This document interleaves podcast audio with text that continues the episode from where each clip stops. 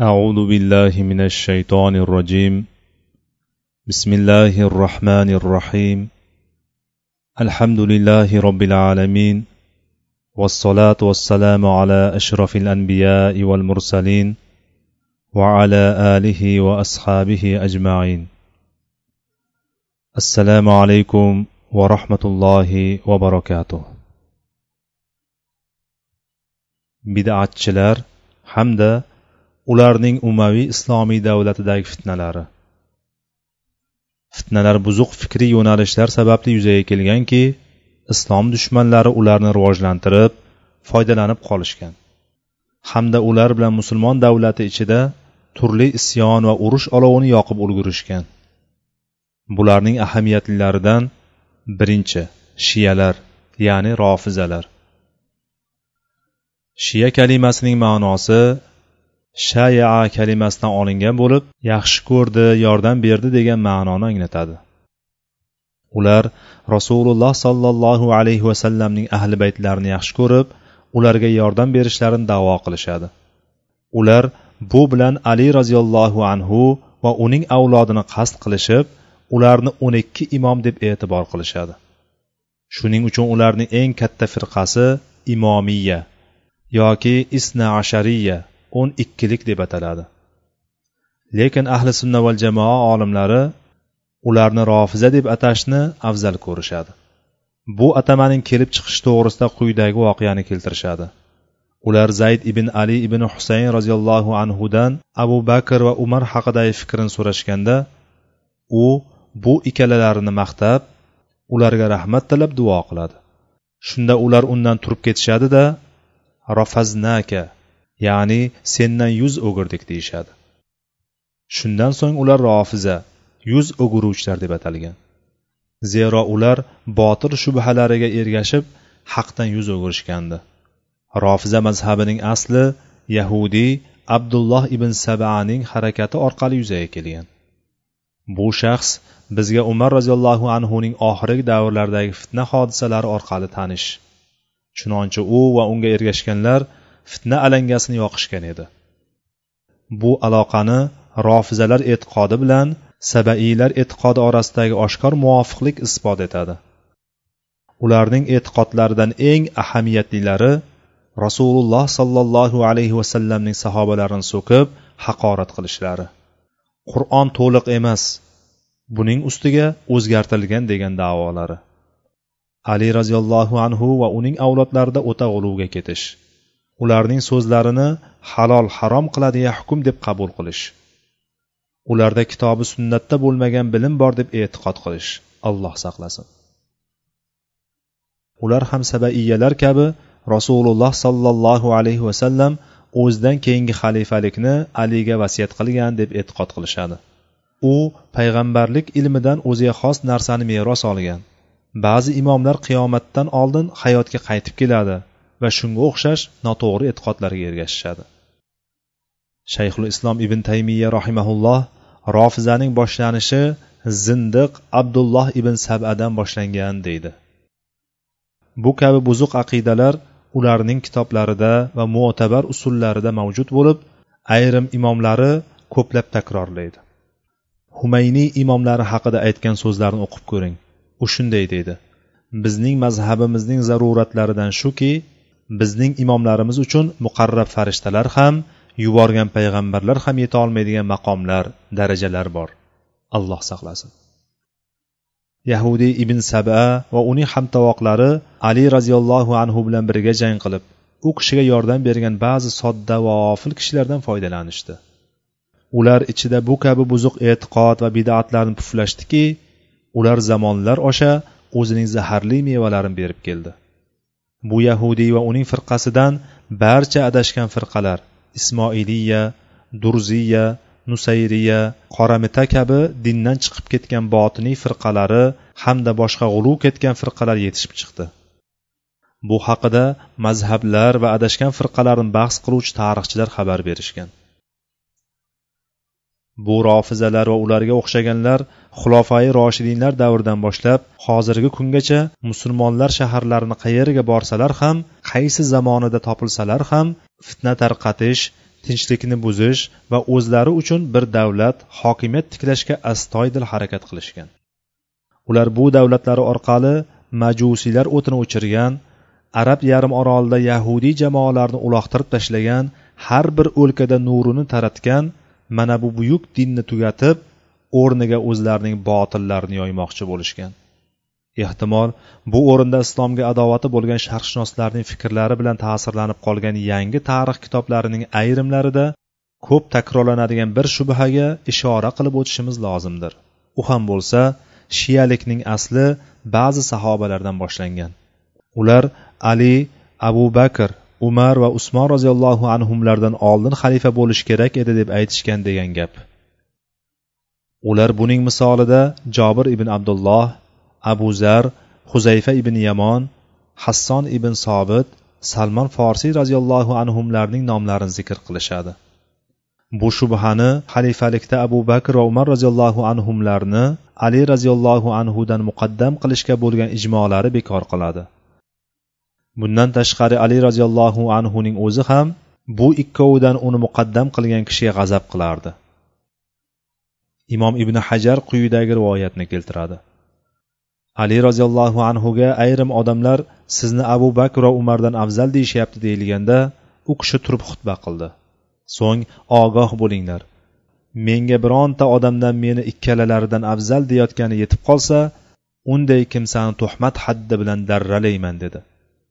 Shayxul islom ibn taymiya rahimaulloh bu ali roziyallohu anhudan yaxshi san'atlar bilan rivoyat qilingan degan. Imom buxoriy muhammad ibn ali ibn abi tolib rahimaullohdan rivoyat qiladi.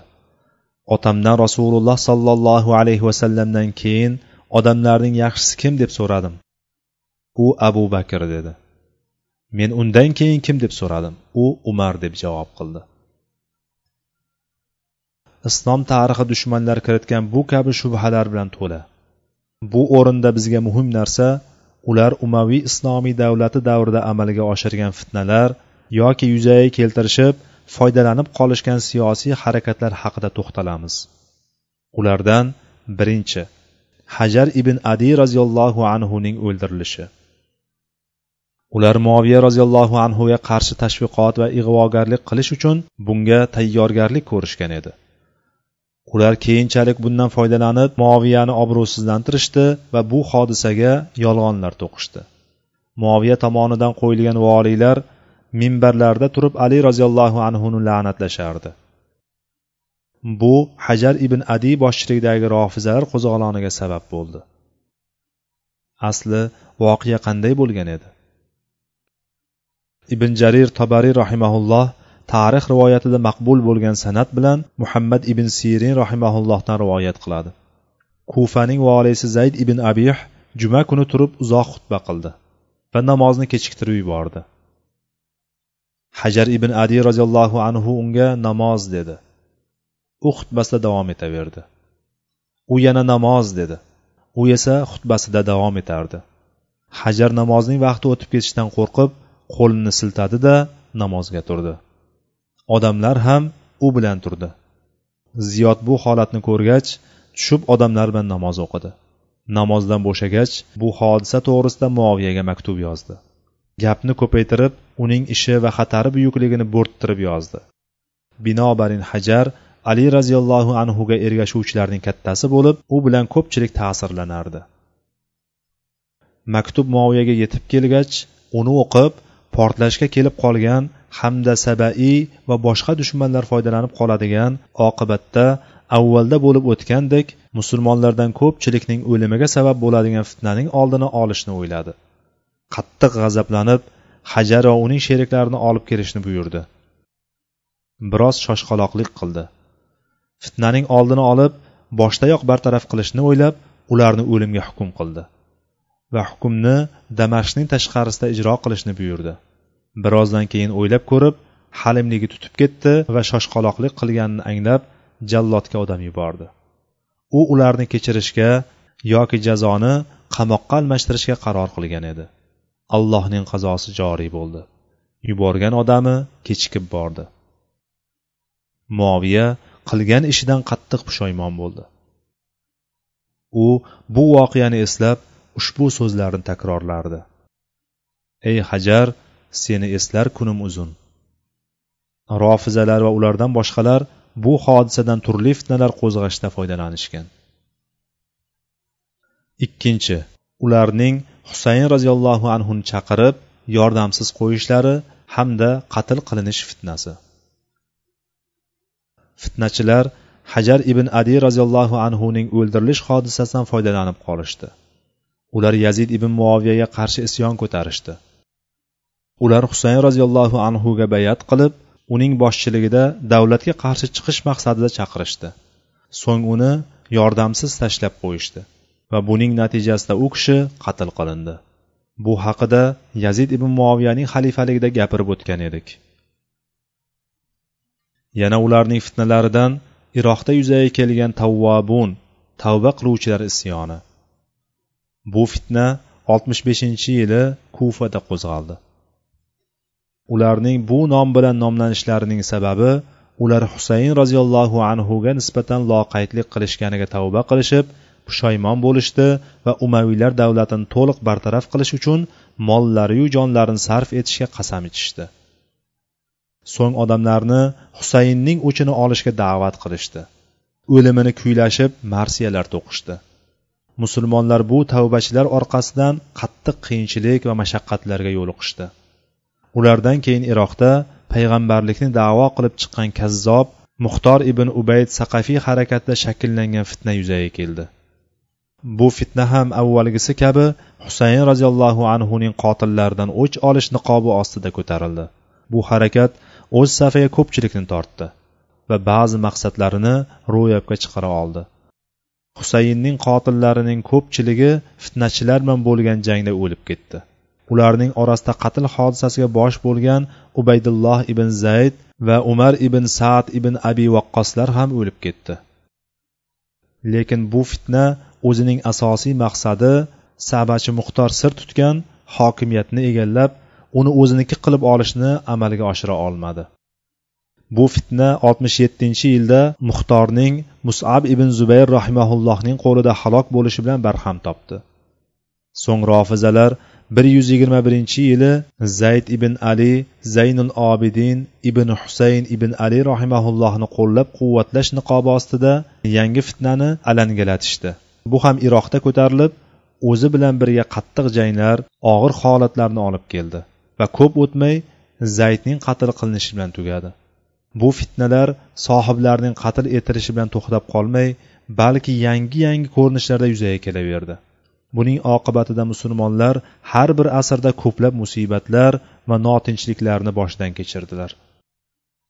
Ikkinchi havorijlar havorijlar avvalda ali roziyallohu anhuga tarafdor va yordamchi bo'lib keyinchalik qarshi chiqqan toifadir. Aliga qarshi chiqishlarining sababi hakam saylashni qabul qilib lozim tutgani bo'ldi. Ular undan o'zlarining fikrlariga yurishni talab qilishgach ko'nmadi.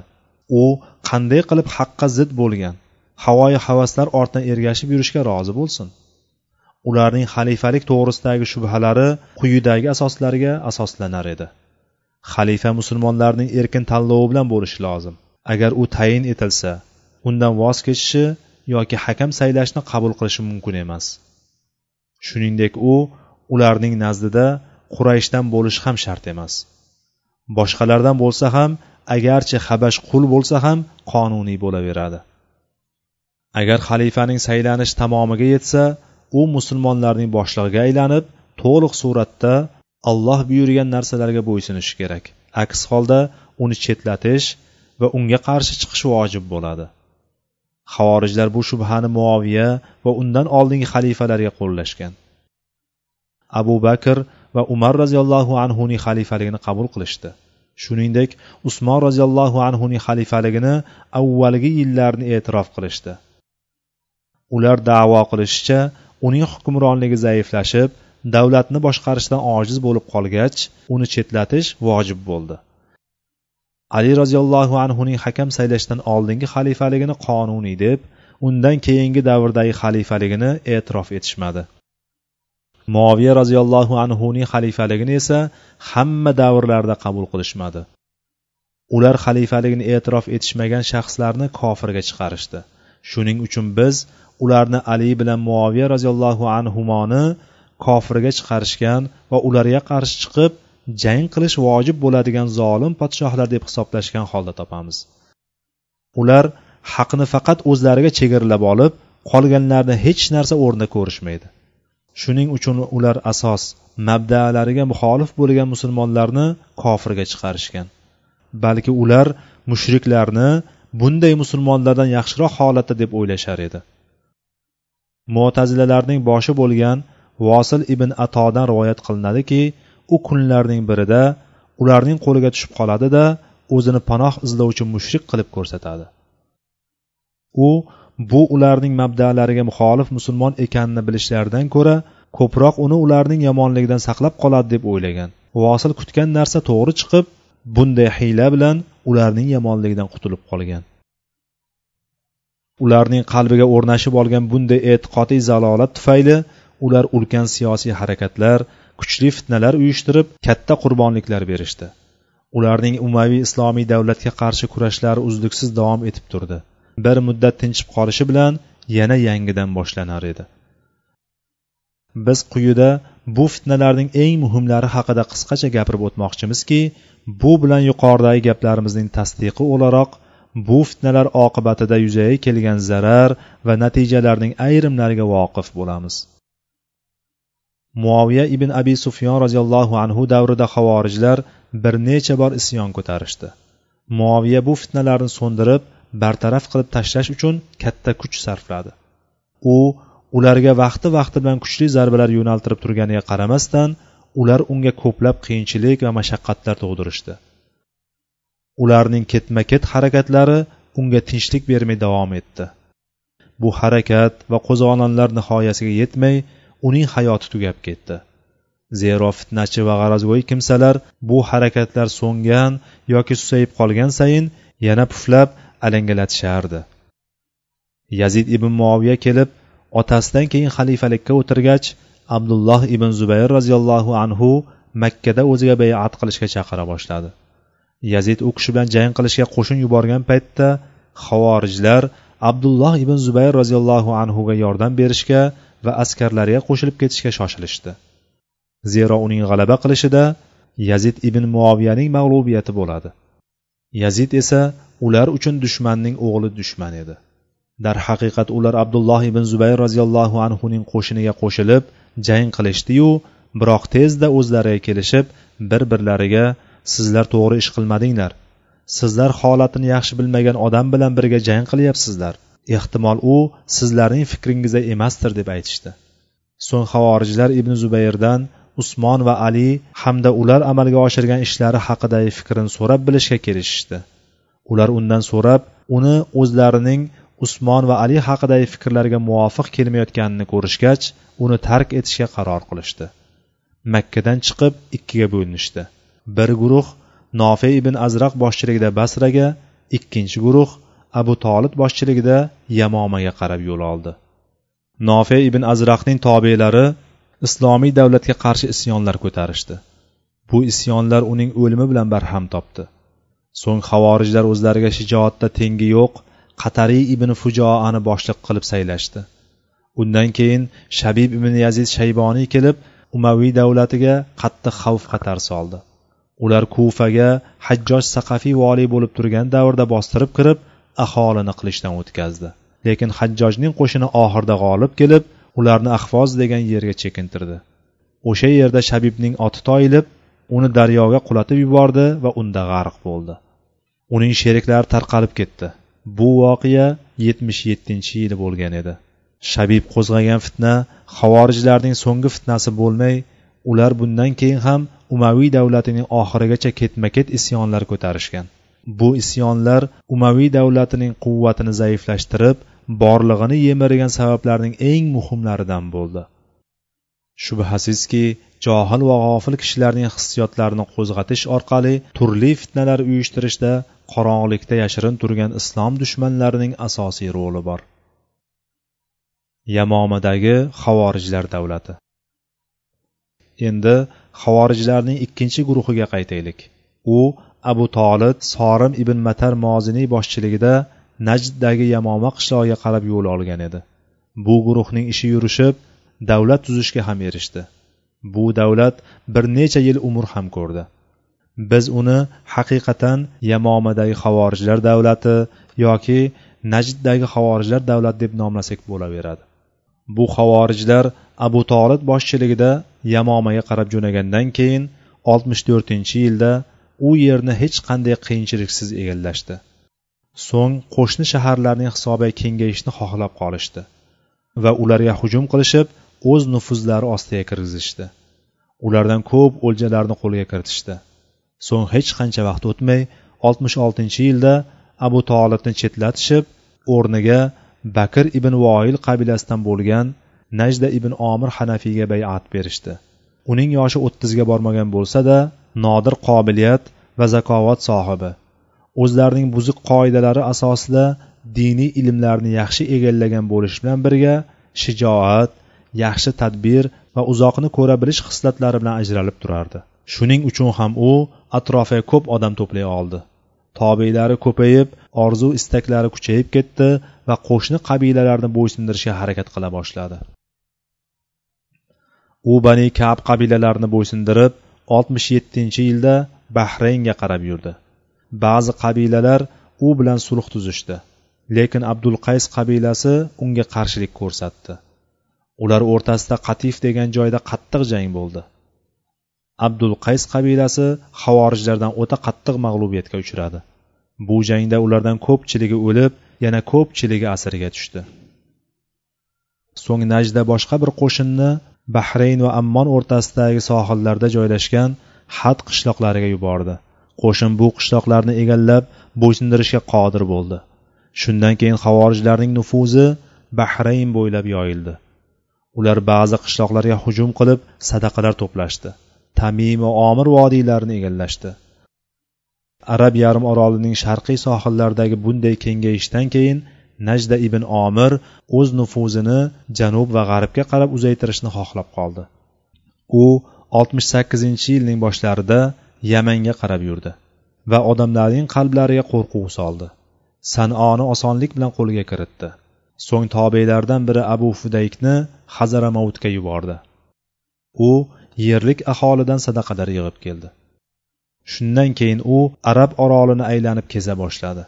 Qadami yetgan joylardagi aholining qalblariga qo'rquv solardi. So'ng nufuzi va hukmronligi yetib borgan mintaqalardan ko'ngli to'lib xursand holda yana bahraynga qaytib keldi. Arab orolining hammasini egallash orzusi uning butun vujudini qamrab ola boshladi. O'sha vaqtdagi vaziyat bu orzuning ro'yobga chiqarish uchun qulay edi.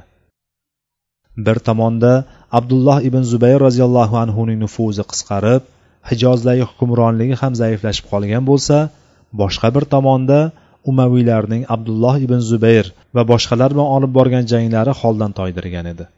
Lekin havorijlarga allohning uqubati kelib o'zlarining ichida fitna chiqdi. Najda bilan tobeylari orasida ixtilof chiqib ajrala boshlashdi va qalblari unga teskari bo'lib qoldi. Unga qarshi asoslaridan tashqari bo'lgan ishlarni qo'zg'ashdi. Jumladan u arzimagan hujjatni bahona qilib aroq ichgan kishiga xat qoyim qilishga e'tiborsiz bo'ldi. U mollarni boylar o'rtasidagina taqsimlab kambag'al va muhtojlarni mahrum qildi. Bu va bunga o'xshash tuhmatlar najdani o'rab giribonidan tuta boshladi. U ashoblarining oldida barcha xatolaridan tavba qilishini e'lon qildi. Lekin ashoblari unga ishonmay o'rniga boshqa bir boshliqni ixtiyor qilishga majbur etishdi. U ularga do'sti abu fudayk abdulloh ibn savrni ixtiyor qildi. Biroq abu fudayk havorijlarning ishiga bosh bo'lgani ko'p o'tmay do'sti najda ibn omirga xiyonat qilib uni o'ldirishga buyurdi. Bu yetmish birinchi yili bo'lib o'tdi. Shundan keyin holatlar va sharoitlar o'zgarib ketdi lekin bu havorijlarning foydasiga bo'lmadi. Yetmish uchinchi yili abdulloh ibn zubayr roziyallohu anhuning qatl qilinishidan keyin umaviylarning nufuzi kengayib hukmronligi kuchaydi. Ular hamma joydagi havorijlarga qarshi jang qilish imkoniyatiga ega bo'lishdi. Xalifa abdulmalik ibn marvon umar ibn abdulloh ibn mamar boshchiligida bahraynga katta qo'shin tortdi. Bu qo'shin qattiq janglardan keyin havorijlarni tor mor qilib davlatini yo'q qilishga erishdi. Ulardan olti mingdan ziyodrog'ini o'ldirib qolgan ozchilik qismini asir oldi. Shunday qilib yamomadagi havorijlar davlati qulab islom davlati borlig'iga xavf solib turgan ulkan xatardan qutuldi. Allohga hamd bo'lsin. Bu rofiza va havorijlarning orqalarida yashirinib turgan dushmanlarning undovi bilan umaviylar davri mobaynida amalga oshirilgan siyosiy hamda mazhabiy fitnalarning qisqacha bayoni. Bu rofiza va havorijlar umaviylar davlatiga katta zararlar keltirishdi. Uni zaiflashtirib oxiri tugab bitishiga asosiy sabablardan bo'lishdi. shuningdek ular musulmon ummatini qo'rqitib nohaq qonlarini to'kishdi tinchlik va xotirjamlikka rahna solishdi suhbatimizga shu yerda yakun yasaymiz vallohu taala alam سبحانك اللهم وبحمدك أشهد أن لا إله إلا أنت أستغفرك وأتوب إليك وآخر دعوانا أن الحمد لله رب العالمين اللهم علمنا ما ينفعنا وانفعنا بما علمتنا وزدنا علما والسلام عليكم ورحمة الله وبركاته.